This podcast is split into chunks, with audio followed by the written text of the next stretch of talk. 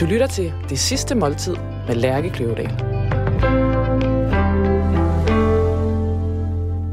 Papa Kasten, øh, velkommen til øh, Oh. Det Sidste Måltid.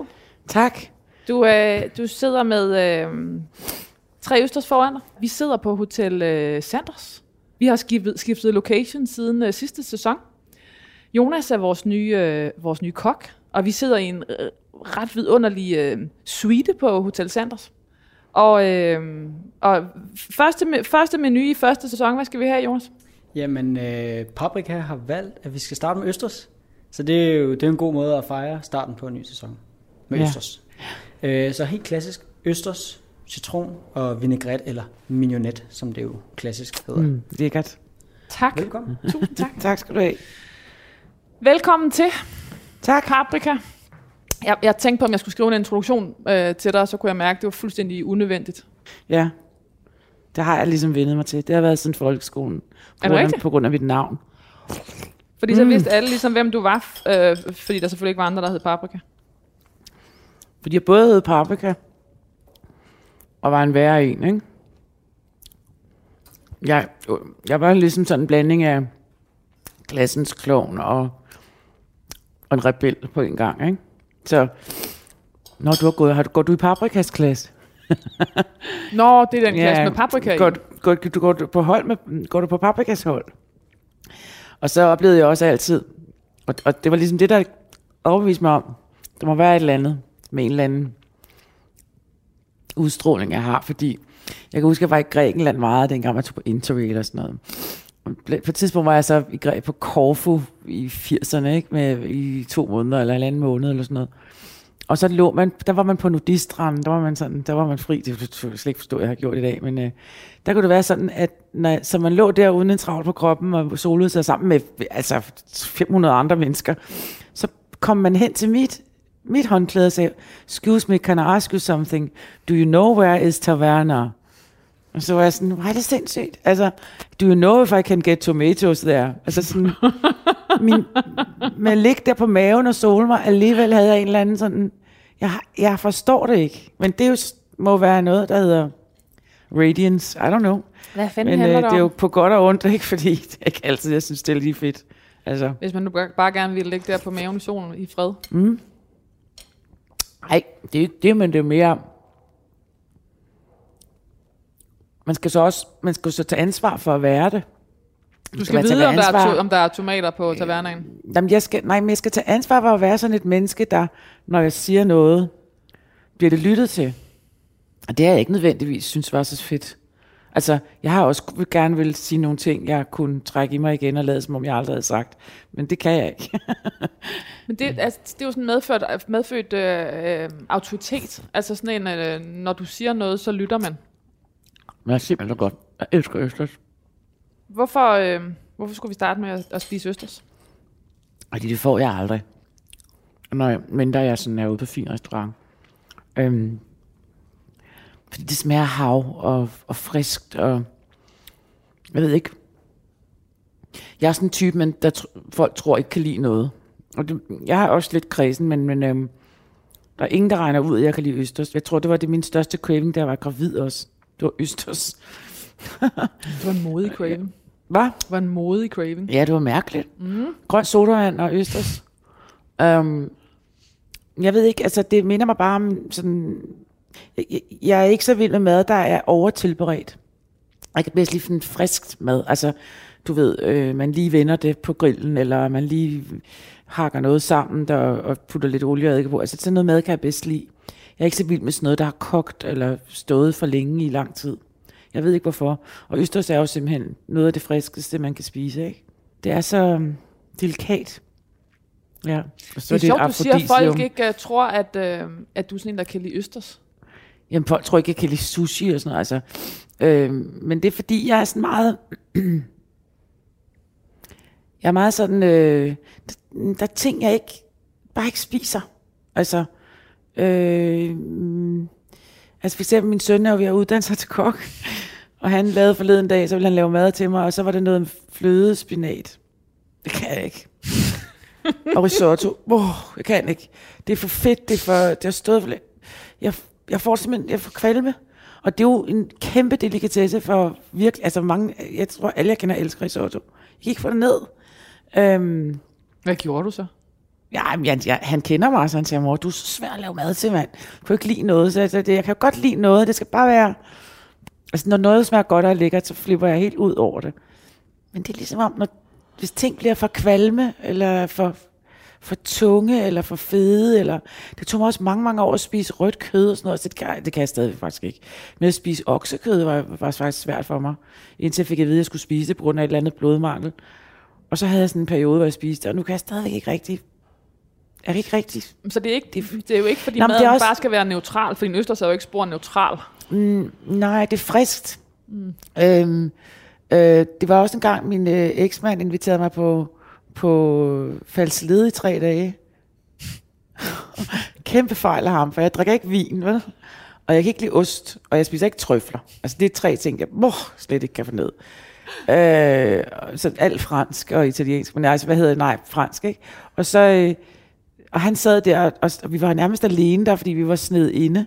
Så der kom han med der tjeneren der, og forklarede og forklarede, og jeg, halve natte kunne jeg ikke få ned, fordi der, jeg, der kom en eller anden kaninragu i en eller anden lille fin gryde, og så sådan smagte jeg på det, og så havde jeg ligesom fået nok, fordi det smagte så stærkt. Så var det ligesom, Nå, men det... Så jeg tror, der er en, jeg tror virkelig, den er forbundet med den samme muskel eller sans i mig, som ikke kan tåle for meget larm, og som Din sensitivitet. Øh, ja, det tror jeg faktisk, det er. Altså, fordi det er ikke sådan, at fordi det ser ud på en måde, kan jeg ikke få det ned. Jeg smager på det, og jeg... jeg, jeg men øhm, for, for, for stærke smager, altså sådan rødvin og trøfler, forstår slet ikke, man kan få ned. Altså, så det må være noget inde i mig, der, der har noget, hvis det er lidt for hæftigt. Øhm, lugte, lyde, øh, rum, du har orienteret dig også i steder. rummet her med det samme, da du kom ind. Ja. Og du har garanteret også et forhold til, hvor du gerne vil sidde. Og... Ja, men jeg skal lige have et åbent vindue. Altså, jeg, jeg, der er altid åbne vinduer. Øh, det kan være, at det er lidt klaustrofobi, jeg har, men, men sådan følelsen af, at der er noget frisk luft, og ja, altså, det lyder mærkeligt, ikke, når man ser på mig. Jeg ryger, og jeg er fra 80'erne, og jeg har ikke brugt solfaktor og alt det der. Øhm, det siger jeg altid. jeg bruger sukker i kaffen. Men øh, det gør man er fra 80'erne, så er man fra 80'erne, ikke? Øhm, og jeg kan stadigvæk godt lide lyserød. Jeg ved det ikke, men mad er en meget sådan sanselig ting for mig. Det er enten eller. Enten er det bare ristet brød, og så øh, ikke, ikke noget, eller også er det sådan noget, hvor der er en virkelig god kok, der har tilberedt noget frisk, friskt. Sådan. Ja, det er sgu svært at forklare. Jeg er nok lidt som min søn sagde, da han var lille. Mor, jeg er kredsen. Jeg tror på, Je- jeg tror på Jesus. Øhm, jeg har skrevet en nekrolog, ja, og øh, på tide. det er på tide. Den er, nu, nu må den komme. Ja. Jeg, øh, jeg har tre overskrifter med, som du enten kan vælge mellem, eller i hvert fald bare forholde dig til. Yes. Og øvelsen er jo, at du øh, dør nu, ikke? Ja. Den, øh, den første hedder Dogmefilmens første dame er død. Så hed, den næste hedder For stor til Danmark, men for skæv til Hollywood. Og den tredje hedder Paradokset Paprika Sten er død. Ja. Mm, Alle tre ting passer meget godt. Der er genklang i alle tre. ja, meget. Godt. Skuespiller og instruktør Paprika Sten er død. Med hendes bortgang har Danmark mistet en af sine mest talentfulde skuespillere, og en af de vigtigste spydspidser i kampen mod dansk småstatsmentalitet. Hvordan er det at blive så fortolket, som du er blevet gennem din karriere? Skal jeg være helt ærlig? Det har ikke været så fedt. Altså, egentlig ikke. Men jeg ville jo helst bare være sådan en skuespiller, der havde min egen tv-serie, gik på arbejde hver dag, og havde en film om året. Og... Men for some reason, så siden jeg var helt ung, har jeg haft en eller anden ubevidst trang til at ruske op i traditioner og fordomme og myter og og, og, og forsøgt som skuespiller, altså for så mærkelig måde at, at, at, at leve om på tingene. Altså det er jo slet ikke, fordi jeg sammenligner mig med Lars von Trier. Men nogle gange så forstår jeg godt, hvad han mener med at eksplodere det hele, for så at bygge det op igen.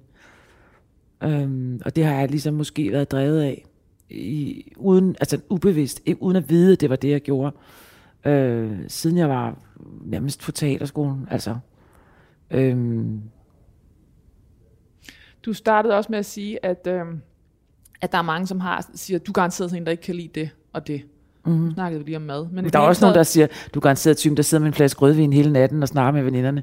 Det couldn't be more wrong. Men i det hele taget, det der med de, med de fordomme, hvorfor tror du, at der er så mange, der har, øh, eller hvordan er det, at, at føles det som om, altså hvordan er det, at, at, at, Jamen, at så mange mennesker har så mange meninger om, hvordan Jo, jo, tror du er, er regner med, du er. Det er sådan enormt papakastensk, eller hvad folk siger. Der, der, der, hvad er det, man siger? Der ryger jo ikke røg af en brand, uden ingenting af en nøgen kvinde lærer at spinde. Ej, jeg kan ikke øh, Klassisk. altså, det er jo nok fordi, at jeg har sat mig selv i en, øh, en form for position, hvor man skulle tage stilling til mig. Altså, jeg ser, nogle gange ser jeg sådan et billede af mig selv som ung, stående og sige, se mig, tag stilling til mig, s- øh, have en mening om mig. Altså, fordi jeg på en eller anden måde måske havde behov for det. Jeg kommer fra sådan en meget broet baggrund, så det der med at finde sin stemme og sådan noget, ikke, har åbenbart været ret vigtigt for mig. Øhm, men nogle gange er det ligesom, når man har fået en ny kæreste, så skal man teste grænser af, ikke? Så skal man prøve at være så grim, man overhovedet kan være. Så elsker du mig stadigvæk, selvom det er sådan her ud. Altså, du ved, så det, måske har det, har, har det lidt været det, at jeg, når jeg mit, mit talent og min, mine, mine evner har jeg aldrig tvivlet på, fordi det handlede ligesom mere om at holde mig inde bag alt det der. Altså, jeg skal huske spørgsmålet. Altså, at, at det der med, At blive mødt af fordomme, og, og i det ligger jo også, at folk har enormt klare holdninger til, hvem de forventer, eller tror, du er. Jamen, det har jeg været mødt med altid. Altid. Øhm, nej, nej, men... Fordi jeg jo ryger, ikke? Så jeg er nødt til at ryge mellem hver ret. Og det er derfor, vinduet er åbent. Ja. Men det gode er, at man har en transportabel mikrofon, så man kan bare gå og gøre det her. Se nu der, og jeg kan endda læse, øh, jeg kan fortsætte øh, med at læse op. Men der er to steder, hvor det er meget vigtigt for mig at ryge. Jeg skal godt holde mig. Det er, når jeg snakker om mig selv, og når jeg spiser, når jeg har spist. Og jeg troede, vi skulle sidde uden dør, så nu er jeg sådan helt, åh oh, gud, nå. Paprika måtte karrieren igennem kæmpe med og mod prædikatet diva, der måske mest af alt var den danske journaliststands afmægtige forsøg på at indfange det paradoks, Paprika Sten repræsenterede. En selvsikker, skarp og flamboyant kvinde, der samtidig rummede tvivl, selvkritik og ydmyghed. En skuespiller, der på mange måder var for stor og for meget til lille Danmark, men som ikke nåede at få det internationale gennembrud, hun burde have haft. Jeg bliver helt rørt, da du skriver.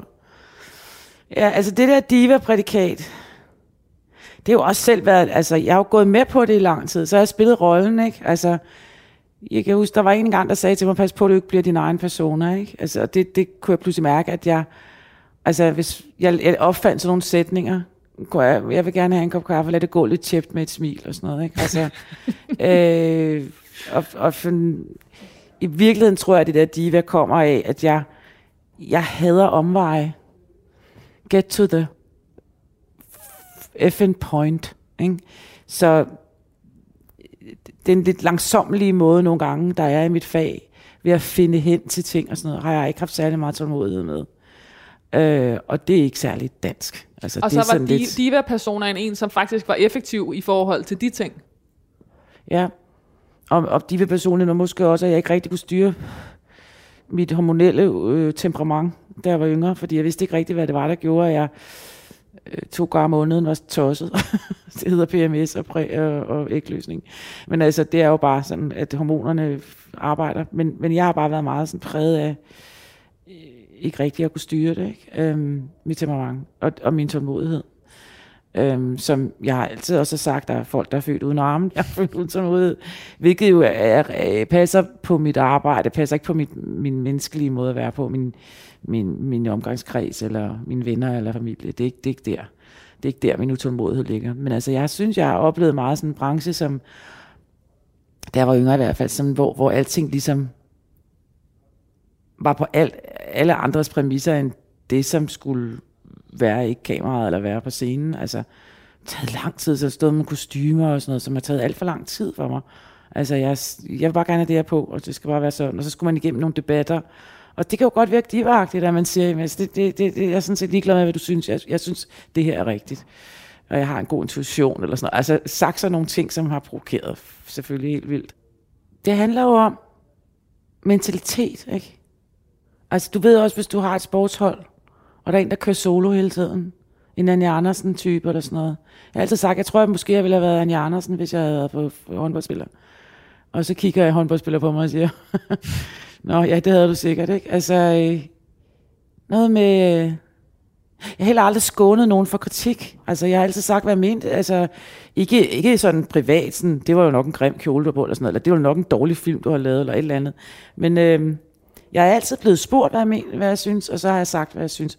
Og så er det blevet så meget en vane, så jeg bare nogle gange også har sagt det, uden at jeg er blevet spurgt om det. altså, øh, jeg har altid forventet mig utrolig meget af andre mennesker. Jeg har forventet mig meget af dem, som jeg følte mig som ligemand med, eller så op til. Og hvis de skuffede mig, så bliver jeg måske mere skuffet end andre. Øh, eller, eller jeg bliver aldrig sur. Jeg har altid tænkt, om der er jo, der er jo rum til forbedring. Altså, øh, hvis jeg har set en eller anden film, jeg ikke synes var så god for en af mine venner, der instruerede, så har jeg sagt, ja, altså, jeg forstod ikke rigtig, hvorfor du gjorde det og det og det. Næste gang skulle du måske gøre sådan og sådan. Og det er ikke nødvendigvis noget, folk øh, gider at høre på, eller de har ikke spurgt mig, så øh, for eksempel. Eller, mm. altså, jeg har altid troet, at mine gode råd var uundværlige, indtil jeg pludselig opdagede, at det er de ikke. Altså, jeg skal bare, skal bare mene, hvad jeg synes, øh, mene, hvad jeg mener, og så tige stille. Og, og det har jo og, været sådan lidt en sygdom for mig som yngre, ikke? Det øh, kompromilløse er jo en af de ting, altså især i forhold til dine roller, det er jo en af de ting, som virkelig går igen lige meget, øh, hvor jeg læser om dig. Ja. Ja. Ja. Øh, ja. Sidste 10 år har nok ikke været sådan helt, men altså... Ellers jeg, jeg ser ingen grund til at gøre det ellers. Altså jeg kan huske, da jeg var på det kongeteater i fem år, hvor jeg så havde mange overlov, men altså jeg, jeg kan huske, jeg tænkte, hvorfor spiller vi det her stykke? Altså lige før jeg stod og viskede undskyld til publikum, for at de havde betalt penge for at gå ind og se det her ligegyldige, i mine øjne, magtværk. Altså, øh, jeg kunne ikke forstå, hvorfor jeg skulle, da jeg var ung, der skuespiller, hvorfor vi skulle, man skulle acceptere folks forurening. Altså, det var jo, folk kunne ikke skændes, for eksempel. Folk kunne ikke debattere, folk kunne ikke være uenige og sådan stå. Det forstod jeg ikke, hvorfor. For hvis man ikke kunne det, øh, når man stod og udviklede stykket, hvordan kunne man så tillade sig at spille det? Altså, hvordan kunne man tillade sig at spille konflikt, hvis man ikke selv kunne tage en konflikt? Det har jeg aldrig forstået. Det forstod jeg ikke. Hvad mener øhm, du med forurening? Jamen altså, som skuespiller er det jo, det er jo simpelthen så, altså det er jo så en skare, så der findes jo også skuespillere, som hiver hele deres eget liv med ind på scenen, og alle deres egne problemer, og alle deres eget forfængelighed. Det gør vi alle sammen, men vi gør det mere eller mindre, ikke? Og nogle gange forurener folks øh, egen personlige shit, arbejdsprocessen, ikke? Øh, øh, eller rollens fortolkning, eller øh, forfængelighed, ikke? Altså, og jeg, jeg, jeg, oplevede, jeg har altid ønsket, at man kunne være et sted at arbejde, hvor man kunne, hvor altså hvor bølgerne kunne gå højt, og så nåede man hen til det der resultat på et eller andet tidspunkt. Men hvis man ikke måtte sige tingene, det du laver der er virkelig dårligt, kan du ikke prøve at lave det om? så, øh, så, så, så synes jeg, det var svært. Og det var, derfor var jeg meget glad for at møde lidt senere, altså i mine sådan 30'ere, mødte jeg sådan Vinterberg og sådan nogen, hvor man kunne sige sådan nogle ting, og Lars Trier, Lars von Trier, altså de kunne sige, kan det dårligt, dem blev simpelthen til at tage igen. Jeg blev helt lettet, jeg blev sådan helt, jeg følte mig simpelthen så tryg, fordi det betød så også, at jeg kunne, altså sige det samme, eller altså, at vi sammen kunne sige, se en anden sårbarhed og fejl, og i, i talsætte dem, debattere dem, komme videre derfra. Ikke? Kan du ikke prøve at forklare mig, hvorfor du ikke har en gigantisk øh, international karriere? Det er svært at forklare. Jeg vil virkelig gerne prøve at forstå det, tror jeg, fordi jeg forstår det ikke. Det tror jeg er mit eget problem. Altså, jeg har ikke kæmpet nok for det måske. Jeg jeg har også været meget tryghedsagtig. Altså, jeg kan godt lide at være her i Danmark, og øh, jeg, jeg kan huske de første par gange, jeg var i USA, jeg blev, jeg blev signet med det samme. Det var sjældent, at man, man får en manager eller en agent, sådan, altså i det, man kalder in the room. Altså, man er til et møde, og så hyrer de en. I, i, det, det oplevede jeg, så det er ingen andre, der oplever. Ja, det ved jeg ikke, men det var i hvert fald meget sjældent, sagde hun, at det gjorde hun, det hun gjort to gange før i sit liv. Og, så, og hun synes, jeg var den bedste skuespiller, hun nogensinde havde. Og hun var en stor dame, ikke? Hun havde mange store... Øhm, men det er ligesom om, hver gang jeg skulle lave de der castings og sådan noget, så bliver jeg simpelthen så nervøs. Og jeg, øh, fordi eksamener er ikke så, jeg er ikke så god til eksamener, ligesom når man skal til køreprøve eller sådan noget, så har jeg det som om, at jeg skal, altså det, når jeg skal sådan, jeg ved ikke, det var, det var, det, jeg kæmpede nok ikke nok, altså jeg, jeg synes, det var, jeg lavede alle de der castings, og jeg gik til alle de der møder og sådan noget, men jeg tror også, at i Amerika har det været sådan lidt en blanding af, at jeg er meget amerikansk på en måde, og, meget, og så er jeg også meget europæisk. Men jeg var ikke europæisk nok, og jeg var ikke amerikansk nok. Så måske har der også været noget med det, altså, at jeg, at jeg har været svær at placere. Altså, øh, mit udseende gør vel også noget, ikke? Altså, øh, men hvis jeg skal se på det sådan mere kosmisk eller spirituelt, så har det noget at gøre med, at jeg nok selv har sat en, en eller anden form for kæppe i hjulet for mig selv. Øh, fordi det skræmte mig sådan, det der øh, store Hollywood. Det, jeg, jeg blev bange for det. Altså, jeg følte mig utilstrækkelig med sekundet, jeg satte fod ned der. Altså, jeg var for stor, jeg var for tyk, jeg var for gammel, jeg var for øh, et eller andet, whatever. Jeg var ikke, når jeg ser mig selv nu, overhovedet ikke tyk, og jeg var ikke, jeg var 32 eller 31, jeg var ikke nødvendigvis hverken gammel eller, men derover synes jeg bare, at alle lignede børn, og jeg var ikke øhm, fotomodel, og jeg var ikke en mand, og jeg, Øh, så der var så mange ting, jeg fortalte mig selv hele tiden, at det var nok ikke godt nok. Det ville også sige, at jeg, blev, jeg fik rigtig svært ved at være mig selv. For jeg synes hele tiden, at jeg skulle prøve at være, som de var. Så jeg tror i bund og grund, at det var en, en, en, en, en skrækindjagende oplevelse. Jeg blev, jeg blev jeg husker, jeg havde været der øh, i Hollywood, og så havde jeg været til møder i tre uger i træk. Altså møder, det er sådan noget, hvor du møder alle de store shots, både caster og øh, producer og whatever, og så taler du med dem. Man kan normalt tage de der møder sådan 7-10 minutter. Jeg mine tog en time hver gang. Fordi de havde det så sjovt, og jeg var sådan stand-up sjov og sådan noget. Jeg kunne underholde dem, så jeg, efter sådan en dag havde jeg været til 5, 6, 7 møder på 7 timer, havde jeg talt om mig selv. Og da jeg kom hjem fra den der tur, der varede tre uger, jeg tror, jeg lå i min seng to måneder og bare forsøgte at komme, og jeg var fuldstændig ødelagt. Jeg var fuldstændig smadret. Det er sådan at sælge mig selv på den måde. Altså, jeg har altid tænkt, det må jo være obvious, hvis, hvis de kan lide mig, kan de lide mig. Hvorfor skal jeg, øh, ud udover det også alt muligt, altså de kan jo se, hvad jeg har lavet, så må de jo...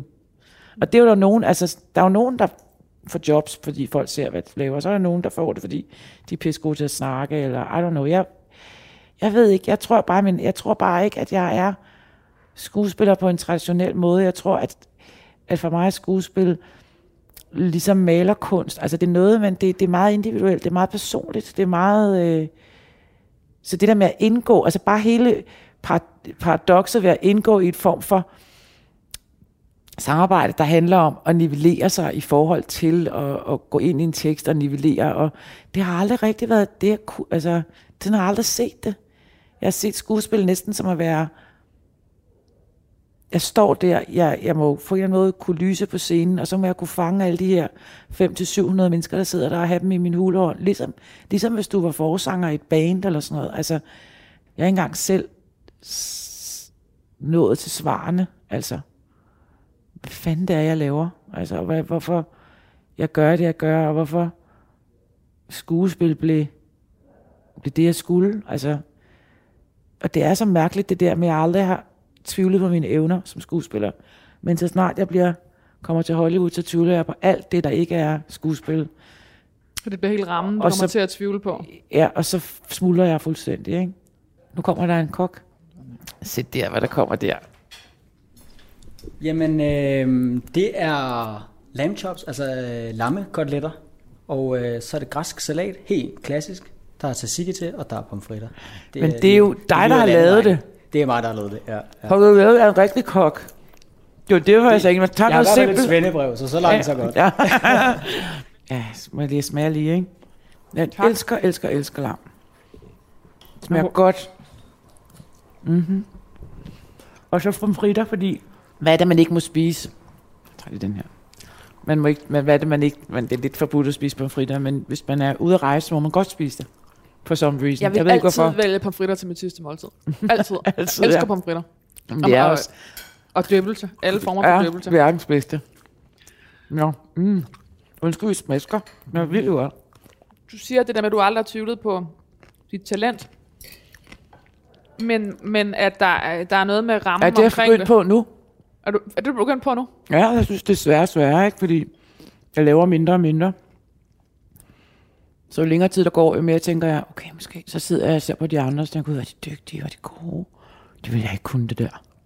Er der også et eller andet med, at ikke have, at, have, at du har lært, også måske som barn, at, at det der kunne noget at have et talent, det skulle dyrkes. Det, skulle, det, det var, øhm, Ja. det var, øh, det, det var noget, man, man rummede også i din familie. Men, og det der med at passe på sig selv i det, har der været færre øh, redskaber til. Det har ikke rigtig været noget, der var. Det har vi ikke rigtig lært noget om. Men altså, jeg, min mor og far blev skilt, og så flyttede vi sammen ind til min stefar, som havde to sønner.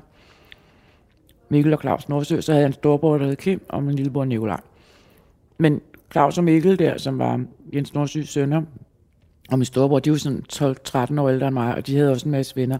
Og de sad jo alle sammen som, som på det tidspunkt 17-18-årige, og kunne allerede altså mestre flere instrumenter på en gang, og havde spillet siden de var 14. Og bare, det var det eneste, altså hele lejligheden var fyldt med instrumenter, det vil sige, du så nogen, der hele tiden var nørdet, eller nørdet bruger jeg så nu ikke, men altså, det var det eneste, der optog dem. Kvinder og, kvinder og musik, ikke? Eller, altså, øhm, Men der er jo kæmpe stor forskel på at have et, ta- have et talent, der kunne håndtere et talent. Og, og begge dele kræver vel lige stor øvelse. Ja. Eller omsorg, eller... Øh, Jeg har nok ikke været så dygtig til det sidste. Jeg havde en talelærer på teaterskolen, som lærte mig noget om mentalitet. Altså, at lade tingene komme til mig, ikke hele tiden opsøge mig, hele tiden være ude, ude i frontlinjen om, her er jeg, her er jeg, her er jeg. Jeg var jo hæs altid, ikke? Altså, jeg er født hæs, men, men der mistede jeg stemme flere gange, fordi jeg var så aktiv hele tiden. Altså, jeg var aktiv i min stemme, men jeg var også aktiv i min person. Og han var sådan meget buddhistisk, og han lærte mig ligesom at lade det hele komme til mig, og være præcis der, hvor jeg var. Om jeg, hvis jeg var hæs, var jeg hæs, så var det derfra, jeg talte. Hvis jeg var hvis jeg ikke var, så kunne jeg tale fra et andet sted. Og, og sådan mentalt lærte det mig rigtig meget. Ham havde jeg jo en gang eller to om ugen i næsten fire år, ikke? Så øh, Henning Silberg hedder han. Hedder han. Øh, og øh, sådan rent, øh, når jeg kigger tilbage, så er det sådan de sætninger, der, der hele tiden dukker op i mig. Og, og de øvelser men det er vel så samtidig det, som, som forråder dig lidt, når du sidder i USA, og, og, har, og har været ude og sælge dig selv i... Øh, Men det er jo også et andet sprog, ikke? Og så synes jeg, jeg skal kunne sproget til mm. perfektion. Mm. Og samtidig, så er jeg jo ikke rigtig amerikaner. Jeg er jo bare, altså min mor var det, ikke? Altså, men, så jeg er så dygtig til at lave sproget, jeg er så dygtig til at spille, at jeg er amerikansk, når jeg sidder derovre for amerikanerne, at de næsten synes, jeg er amerikansk, men der er stadigvæk lige noget accent, så det er en lille smule mærkeligt. Altså jeg er ikke bare, hvis jeg bare havde været, you know like this, og været, uh, maybe a little more like this, you know, speaking English in a, in a, in a nice way, but not like totally American, like, you know, så kan det være, at der var kommet noget af paprika til syn. Jeg ved det ikke. Det er et mysterie for mig.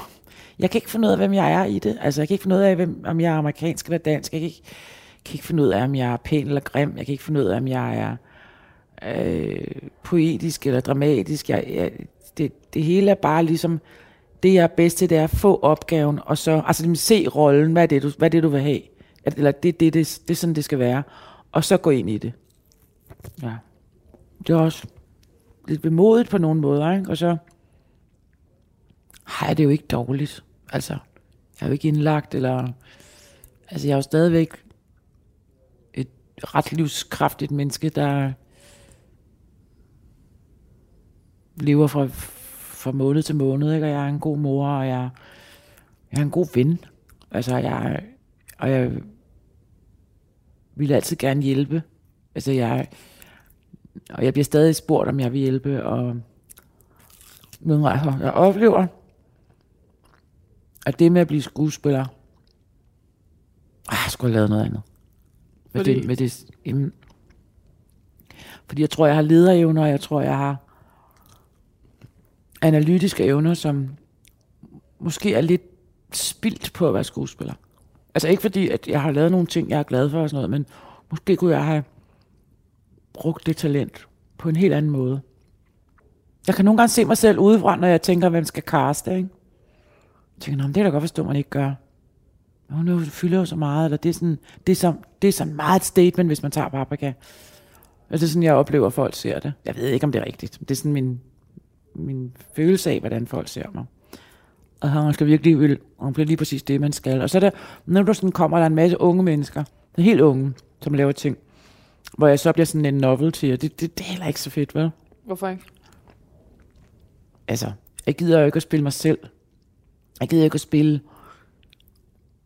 øh, hvad kan man sige, parodien på mig selv, hvor man bliver sådan en ironisk, for sjov type, man bruger, fordi det er hende der, der gør det. Det ville jo være det super tragisk. Men jeg skal også tjene penge. Så det handler om at holde tungen lige i munden, ikke? Men nu laver jeg film, altså nu instruerer jeg. Nu er jeg gået i gang med mit næste projekt. Jeg lavede der jule, julefilm der, og så jeg skulle have lavet en film, altså jeg skulle egentlig have indspillet den i år, men så fik jeg jo den der tumor i hovedet, så hele blev forsinket et år. Så nu Og, jeg, og hvad, er du, du fik en, øh, en tumor i hjernen? Jamen, den sad faktisk ikke i hjernen, den sad i hovedet, den sad Okay. bag øjet. Så jeg var meget heldig, at den ikke sad i hjernen. Den var godt nok stor, men øhm, den var godartet, det var ikke kræft og sådan noget, men, men det, det jo stadigvæk en stor operation, så jeg har 30 sting i hovedet, ikke? Hvorhen? Jamen, det kan man jo ikke se, fordi jeg har det dejlige store hår. og de er pisse gode nu til at kun at barbere hår af, sådan i den lille millimeter, hvor de skal ind og sådan noget. Så det er faktisk, du kan ikke se det. Men jeg har 30 sting fra cirka heroppe i panden til ned til bagøret. Jeg kunne se mindre og mindre på mit venstre øje. Først var der en øjenlæge, der sagde, at det var forkalkning. Nå, det troede jeg så på i to-tre år. Og så, s- men til sidst, så var det sådan, Altså, jeg skælede hele tiden. Jeg, mit øje faldt ligesom indad, sådan som om det ikke rigtig kunne holde sig selv lige. Men så også, hver gang det var meget lyst, så så jeg sort, og hver gang det var meget mørkt, så så jeg lys. Og, og så gik jeg så til en ny øjenlæge. Nu var jeg så lille, det var for mærkeligt det her, ikke? Og så sagde han, jeg kan, dit øje ser fuldstændig perfekt ud, så derfor sender jeg dig videre. Altså, jeg gætter ikke på, at det er noget forkaldning. Jeg siger, jeg ved ikke, hvad det er. Derfor sender jeg videre. Det vil jeg så sige note til alle læger. Hvis I ikke ved, hvad det er, så lad være gæt. Send folk videre. Så kom jeg ud, og så sagde de til mig, jamen det er grå stær. Så jeg, det var sgu tidligere for grå stær. Så skulle jeg opereres for det. Så skulle jeg vente en måned, fordi der er sådan nogle, ja, og det kunne jeg så godt, fordi ja, okay, og så, nå, så kan jeg komme til at se fantastisk igen. Så forundersøgelsen til den grå stær-operation, der sidder så en læge og siger, spørger mig ind til, men du har altid haft det dårlige øje, ikke? Så, nej, nej, det har altid været mit gode øje. Jeg har altid været mega nærsynet, men min venstre øje har altid været mit gode øje. Jamen, så har du været lidt skilleret som barn, ikke? Nej. Jamen, du har været lidt billeder som nej. altså, jeg kan ikke huske alt, hvor hun spurgte, men på et tidspunkt siger hun, ah, der er et eller andet, der siger mig, at vi er nødt til lige at, at tage nogle billeder af dit hoved bag ved øjet. Sådan, altså en MR-scanning. Altså en, øh, ja, og det var samme dag. Okay. Det var sådan huhej. Så jeg, øh, og jeg har jo, altså jeg har meget få øh, fobier, jeg har meget, jeg har meget lidt angst omkring død og ture ting og sådan noget. Jeg er ikke bange for mørke, jeg er ikke bange for at blive overfaldet. Altså jeg har ikke sådan noget som normale mennesker. Men jeg har klaustrofobi, som har udviklet sig over årene. Så jeg skulle ind i den der maskine, der var jeg sådan, så sagde jeg, du kan så sådan en halv, en halv beroligende. Ej, jeg vil godt have en hel beroligende. Og så øh, fik jeg det, blev knokleskæv, og så sagde de, der skal være en, når du kommer ud, en af dine nærmeste. Så min bror kom ud, og så da jeg kom ud for det her, jeg faldt i søvn. Det larmer helt vildt, sådan en øh, hjerneskanning. Jeg faldt i søvn, fordi jeg var så skæv. Og så kom jeg ud helt sådan, på syvende himmelskæv, og min lillebror sad, jeg kunne godt se, at han så helt anderledes ud i hovedet. Så kom jeg ind til lægen, så siger han, Nå, jeg har en god og en dårlig nyhed. Den gode nyhed er, at du har ikke kræft. Bang, det er bare den bedste måde. Jeg synes, han var så god, fordi jeg har haft læger, der har siddet, ja, du har jo ikke nogen tumulter med en med en leukomicus, men jeg ser, at du har en... Hvad siger du? Skal jeg dø? Har kræft hvad? Ikke? Altså, han var bare så god at sige det sådan der. Men den dårlige nyhed er, at du har en tumor, og den skal ud hurtigt. Jamen, men hvordan betyder så, det er ikke noget, nej, og den sidder ikke i hjernen, og den sidder bag dit øje, og så den er siddet presset på synsnerverne i over, de siger, det kan være i 20 år, den har siddet der. Så ugen efter, eller sådan noget, tror jeg det var, så øh, kom jeg ind og blev opereret. Men uh, har det været en af de der oplevelser, hvor at der er noget personlighed, der... Altså, du ved, Umiddelbart synes jeg bare, at det var en ret enkel operation. Det lignede lort i to, to måneder, lignede man, at jeg havde fået bank jo bagefter, ikke? Men så fik jeg en kæmpe nedtur, og så sagde, tog jeg ud på hospitalet og sagde, jeg har, jeg er depressiv, jeg, det var dog forfærdeligt, jeg er virkelig ked af det, sagde, det er helt almindeligt. Efter sådan noget 8-10 uger, så får man sådan en nedtur, fordi man er lidt manisk, når man bliver opereret. Altså nogen oplever, at man bliver lidt mere manisk, at man bliver sådan, jeg, jeg var lidt høj omkring hele processen. Også bagefter jeg vågnede op og lavede vidtigheder, lige der jeg vågnede op af narkosen, hvor man har jo været i narkose i 4-5 timer eller sådan noget. Ikke? Man har været lang tid i narkose. Og det siger det, det ser det nogle gange, at man bliver lidt manisk. Jeg bliver også sådan lidt manisk, da jeg fandt ud af, at jeg havde den, altså den der tumor. Jeg, det var meget mærkeligt. Min bror var helt sådan, og jeg gik ud og drak mig fuld, og havde det skide sjovt, og det var ligesom om, og så kom den der nedtur der, Hvad tror du, er det sådan noget overlevelse? Er det sådan noget... Øh... Jeg tror, det er sådan en, en reaktion. Mm. Altså, fordi jeg ikke er bange for at dø. Jeg var heller ikke bange for, at det skulle gå galt. Overhovedet. Alle andre var bange for det. Og nej, øh, vi har den, der er tre verdens bedste læger, der kan det her. Den ene af dem er ham, jeg skal opereres af. No problem, det bliver fint. Og så gik der de der otte uger. Og så tog jeg ind til dem. Jeg er sådan meget typen, der møder op. Jeg ringer ikke og laver tid, jeg møder bare op. Så sidder jeg og venter til der er tid, og så siger jeg, bare lige fem minutter. Er jeg okay? Det er fuldstændig normalt, du skal ikke være bange, bare, bare. Okay, og så, jamen, så havde jeg sådan en måned, hvor jeg var meget mørk i hovedet. Ikke? Min søn flyttede også hjemmefra, han fik lejlighed, og jeg vidste ikke, hvad nogen kom til at arbejde igennem. Men så fik jeg så pludselig det her job øh, i LA, i Los Angeles. Det var Rita, der skulle genindspilles på amerikansk. Ja, så der tog jeg over. Lige i bagkanten af det her. Og det var, jeg elskede selve arbejdet, men at være i Los Angeles alene, og godt nok min ven der også, men han arbejdede hele tiden. Um, det, det var lidt mærkeligt efter den tur der. Altså, jeg, jeg kunne godt mærke, at jeg var sådan lidt mørk. Så tænkte jeg, når nu kommer jeg hjem, så skal jeg fandme have det sjovt og hyggeligt og se en masse venner. Og, og her kom coronaen. men det, jeg har opdaget, umærkeligt, de her halve år, eller hvor meget det nu er, det er et år siden, ikke, det her skete. Der er noget af den der lidt ubalance, jeg har haft, som er sådan lidt, ja, lad os bare sige det lige ud, sådan lidt manisk en gang imellem, sådan lidt ikke så god til at styre en puls, og bliver lidt ud af reagerende. Kører jeg meget dæmpet. Det er som om, det er gået væk. Altså. Og selvom at den ikke har rørt hjernen eller noget som helst, det kan være, at den har siddet og trykket på noget, jeg ikke har vidst. Altså, der er et eller andet, der er et eller andet, der er blevet ændret. Paprika forsvandt aldrig i sine roller, men bøjede dem mod sig. Hun var ikke transformationsskuespiller, men skinnede med sin særprægede stjernefaktor tydeligt igennem i sine roller. En overlegen skuespiller, der krævede det ypperste af sig selv og sine kolleger. Og som kunne have svært ved at forstå mennesker, der ikke var villige til at levere den vare hver gang. Hun pegede på Lars von Trier og fodboldspilleren Zlatan Ibrahimovic som forbilleder. De formåede at være større end deres egen kunst og større end deres omgivelser. Paprika selv havde heller ikke lyst til at være holdspiller. Men det er ikke rigtigt. Jeg vil ønske, jeg var... Altså, jeg, der, der er ikke noget, jeg har ønsket mig mere i mit liv, end at have, jeg kalder det i situationstegn, en familie. Altså, jeg elskede, da det gik godt i lektorklassen. Jeg elskede, da vi lavede de der dogmefilm og med arbejde med Thomas. Jeg elskede at være på Dante, fordi jeg følte mig som en del af et fællesskab, og jeg følte faktisk, at der var en lighed. Altså, der var en lighed. Der var ikke øh, stjerner og vandbager på den måde. Det var ligesom, den ene forestilling var, var det mig, der var stjernen, og den næste var det en anden. Men, men der var sådan en, en, en, en, en der har altid ligget en total, øh, ja, der har altid ligget en meget ren, en, en drøm og en håb og et trang til at være medlem af en familie. Altså arbejdsmæssigt. Også, også privat, det er noget andet, men Øh, øh, arbejdsmæssigt. Altså jeg, og, og for som reason, så ryger jeg hele tiden ud af de der, det, det, jeg tror ikke det er fordi, jeg ikke, folk ikke kan lide mig, eller altså, jeg ryger bare altid ud af dem, fordi at jeg har fået at vide hele mit liv, du er solist, du er solist, du er solist. Og jeg har sagt, at jeg vil gerne være solist, men så vil jeg, jeg vil gerne være det sammen med andre solister. Jeg vil meget gerne øh, være holdspiller. Jeg er også holdspiller. Hvis holdet er... hvis holdet ikke er, altså ikke er 3. division, altså som så er det svært, ikke? Det lyder som, som om, jeg har storhedsvandet, det siger Det har jeg ikke.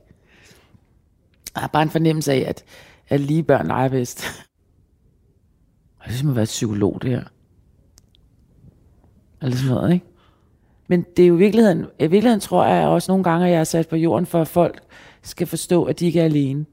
Altså, at det jeg laver som skuespiller eller instruktør, det er jo i virkeligheden et spejl som Shakespeare sagde, men det er også hele en person, altså det der med, at jamen, hvor går grænsen mellem personlig og privat og alt det der. Altså ikke fordi jeg sidder og fortæller nogle ting, der er private, men jeg, jeg fortæller nogle ting, der har været der er kompliceret, og som ikke nødvendigvis har en, ikke nødvendigvis har en løsning på, men hvis nu er der nogen, der hører det, og så tænker, øh, nå okay, jamen så er jeg ikke næse, så har jeg på en måde gjort noget meget godt, ikke?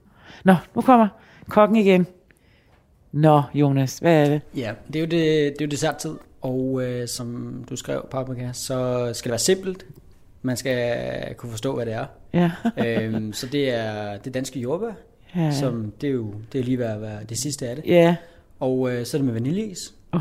Jeg har taget den frihed og, og lavet lidt jordbærsorbet også, som jeg har mixet lidt, mm. så er der sådan en rigtig jordbærsmag. Oh. Øhm, og så simpelthen varm chokoladesauce. Ja, det er, det er himmelsk. Nej, hvor smager det godt. Mm. Men der er ikke noget, altså der er bedre end det her. Det er der bare ikke. Åh, oh, hvor lækkert. Jo, mm. og det var... Prøv lige at høre. Det er jo alle børn... Altså, hvad skal jeg sige? Det er jo alle... Men det, jeg siger, det er børnemad. Det er jo sådan, vi synes, alle vores... Øh, Sommer. a- alle barndommen skulle smage. Ja. Mm. Fra hun var ni år, vidste paprika, at hun ville være skuespiller.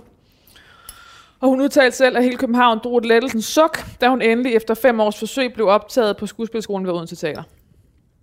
I slutningen af 90'erne fik hun sit folkelige gennembrud i Vigga Rasmussens kultfilm Hannibal og Jerry, og i årene efter markerede hun sig som en af dogmefilmens første damer, især på grund af sin præstation i Thomas Winterbergs Festen.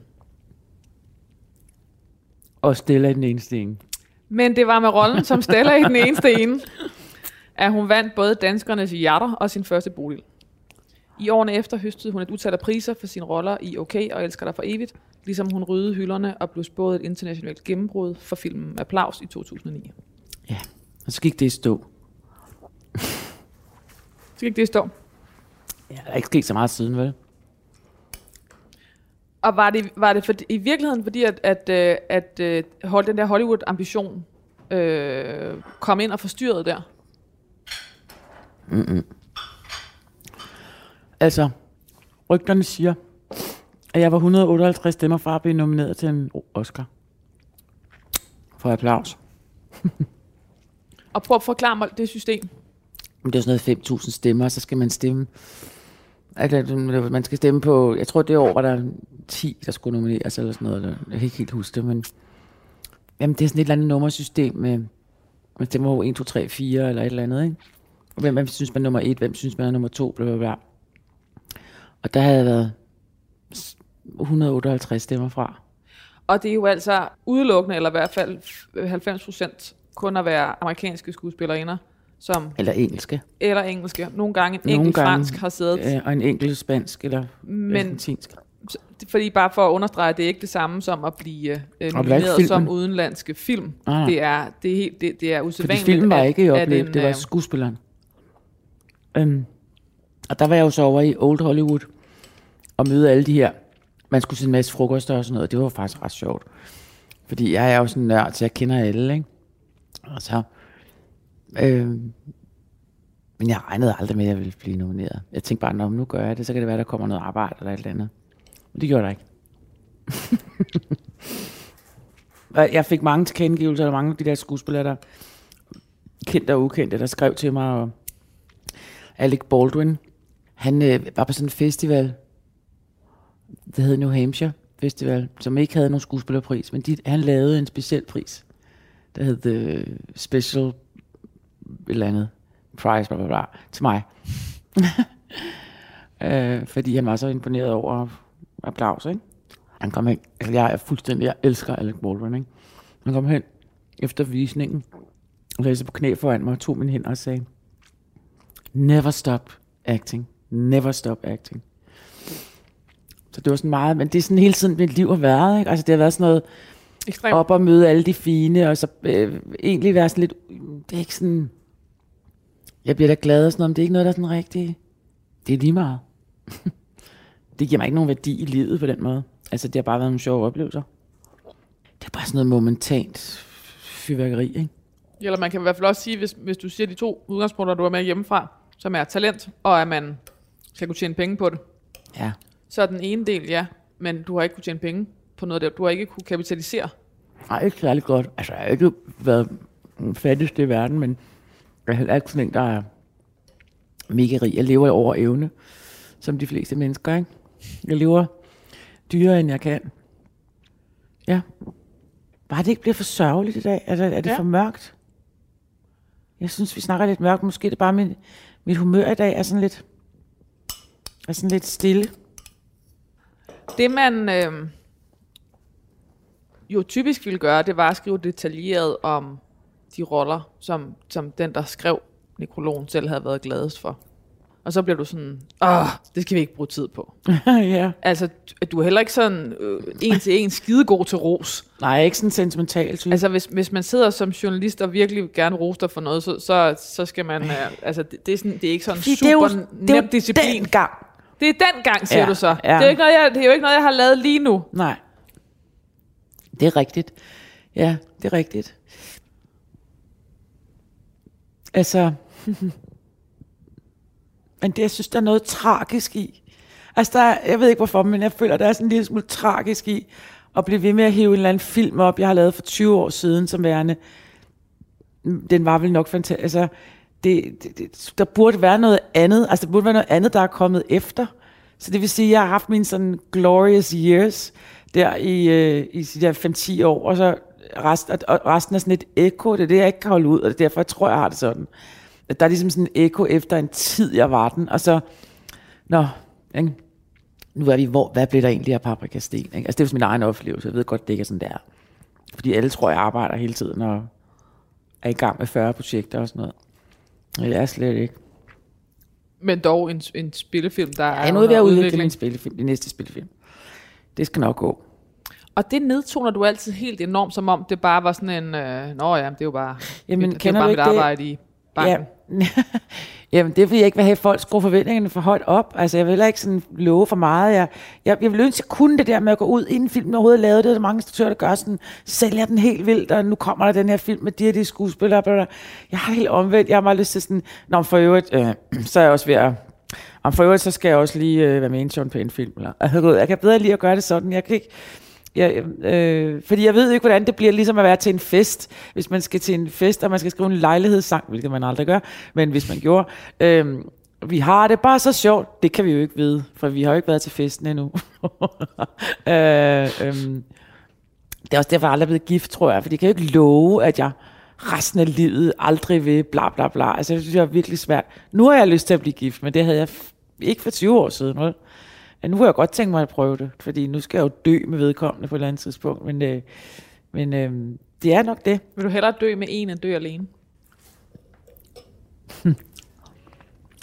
Ja, Jeg, sgu, jeg er helt ærlig.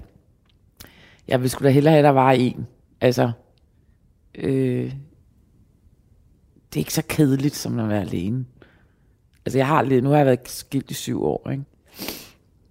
Nu, øh, altså, jeg kan godt mærke, det er rart, når der er en. Det er rart, der, ja, I virkeligheden er det sådan noget med, altså, en ting er forelskelse og den store kærlighed, men der er jo også det, der hedder samhørighed. Altså, hele det der med, han ved, hvornår jeg trænger til min kaffe, og jeg ved, hvornår han øh, sådan og så, altså hele den der omsorg der, den jeg godt. Jeg har jo ikke min søn mere hjemme, så, så mit omsorgsgen, det er sådan lidt, det mangler, det mangler noget, jeg kan, og jeg skal ikke have en hund. Som alle Jeg har ikke sagt en lyd om Nej, nej, men jeg skulle lige at sige, skal jeg få en hund? Altså, det, nej, jeg skal ikke have en hund. Stens filterløse fasong, fascineret og forvirret.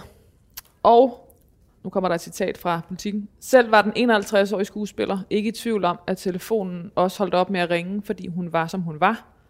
Det var den der paprikahed, der var hendes store styrke, men som også kom i vejen. Ja. Men, men det har vi snakket om. Men for Paprika hang kunst og høflighed ikke sammen. Derfor vil hun hellere vente på de roller, hvor hun kunne kunne gå kompromilløst til værks, end at medvirke i hvad som helst. Ja, men altså, ja, more. Men er ikke helt vel, fordi man skal også tjene penge, jo. men det er da rigtigt. Altså, sådan vil jeg gerne, jeg vil gerne kunne leve efter det princip. Jeg kommer fra en sætning, hvor jeg hedder, siger, men for Paprika han kunst og høflighed ikke sammen. Derfor vil hun hellere vente på de roller, øh, hvor hun kunne kom, gå kompromilløst til værks, end at medvirke i hvad som helst. Og netop derfor kommer Paprika Sten til at gå over i filmhistorien, som en af vores stærkeste skuespillere med den klareste vision. Ingen slinger i valsen, og ingen kompromiser. Ah, jeg synes jo nok, jeg har lavet nogle kompromiser på vejen. ikke alt, hvad jeg har lavet, jeg er lige stolt af. Øh, absolut. Men sådan, stort set, ja. Stort set. Stort set. Paprika Sten efterlader sig sønnen Otto. Det er frygteligt. Altså, det er frygteligt. Det, har, det må du have alle, der når du laver det her med, siger, nej, nej, nej. Det der, den der sætning efterlader sig. Det kunne jo også være, ja, på tid, hvis jeg døde i morgen, ja, så ville det være det. Summa summarum er, at der er visse tidspunkter i ens liv, hvor der er meget mere refleksion meget mere indad kiggen. Og det er helt selvfølgeligt, at det ligger i, i, i enden af en corona, en, en, en epidemi, som fuldst, altså for mig er fuldstændig abstrakt, og som jo har haft indvirkning på mig. På den måde siger jeg ikke været lige så social, som jeg plejer. Ja, men jeg har været dobbelt asocial. Altså jeg har også øh, boet på landet. Jeg har, altså, øh, og det vil sige, jeg er ikke så, jeg er ikke sådan den, jeg normalt er, fordi, jeg, nu, fordi det hele har været så unormalt. Og fordi tanker i øjeblikket ikke kun handler om sig selv, den handler om fremtiden, den handler om vores børns fremtid, den handler om, hvor længe skal det her være, hvornår kommer det næste. Øh, altså verden er ved at falde sammen, ikke? altså USA er ved at gå i stykker. Øh, øh, der var ikke noget sted, jeg mindre ville være PT end i USA. Altså, øh, øh, det er bare en virkelig speciel tid. Altså, og tankerne springer konstant ind i mit hoved om min søn og fremtid og mit eget liv og det der politiske, som er blevet så voldsomt pludselig, ikke? Øhm, blevet så synligt. Øhm, hvad skal man så lave film for? Hvad skal man lave film om? Hvad er nødvendigt? Og det har jeg også altid tænkt med hensyn til det, jeg lavede. Hvad er nødvendigt at lave? Hvorfor, hvorfor skulle man lave det her? Ikke? Og det er jo ikke nødvendigvis, og det er også, måske vender jeg også lige tilbage til noget, jeg har sagt før, det er jo ikke nødvendigvis skuespillerens opgave at spørge om det. Det er jo instruktøren, der skal gøre det. Og bare det, jeg er skuespiller, og jeg spørger mig selv, hvorfor skal man lave det her? Det er jo ikke, det er jo ikke en skuespillers arbejde. Men du er også Men jeg kan ikke lade være. Altså, hvad? Men du er også instruktør. Ja, men det er jo på en eller anden mærkelig måde af nød for some reason. Altså, det er jo sådan underligt noget, jeg er blevet, fordi folk synes, jeg skal være det. Det er ikke noget, jeg sådan har taget et bevidst valg om. Det, det, ligesom det med at debattere i offentligheden. Det er slet ikke noget, jeg har nogen lyst til, eller jeg er pisse bange for det, og jeg er enormt bange for alle trollene i politikken, og ikke i politikken, men i, politi, i politik. Alle de der øh, øh, retorikere, der kan smadre en, fordi man siger, hvad man tænker. Øhm, men alligevel står jeg der på en eller anden måde altid som sådan en eller anden... Med en særlig paprikahed. Jeg vil ikke kalde mig Jeanne d'Arc i hvert fald, men, men, men en eller anden form for prøve at, at skabe noget, altså, altså prøve at få tingene ned på et eller andet plan, hvor man kan snakke sammen rigtigt, hvor det ikke hele tiden ligger. Lige nu er du vel bare ved at gå ind i en politisk debat, som du har gået ind i, uh, i de teaterstykker og film, du har været med i gennem årene, at du har en trang til at kåle bullshittet. Ja, det har jeg virkelig. Det har jeg virkelig. Altså, jeg, jeg, jeg, jeg, jeg synes, jeg har det utrolig svært med folk, mennesker, der ingen selvindsigt har, der ikke har selvkritik, narcissister, altså mennesker, som altid sætter sig selv først, før end alt andet, nærmest før deres børn, når de er i skilsmisser og whatever. Altså det har jeg det helt vanvittigt svært ved.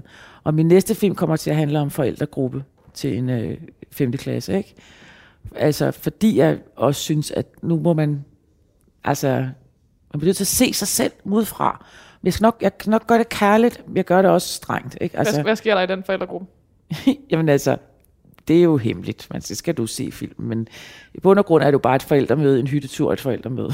så kan du regne ud, at igen, ligesom juleaften, det kan være alt fra en gyser til en slapstick-komedie til.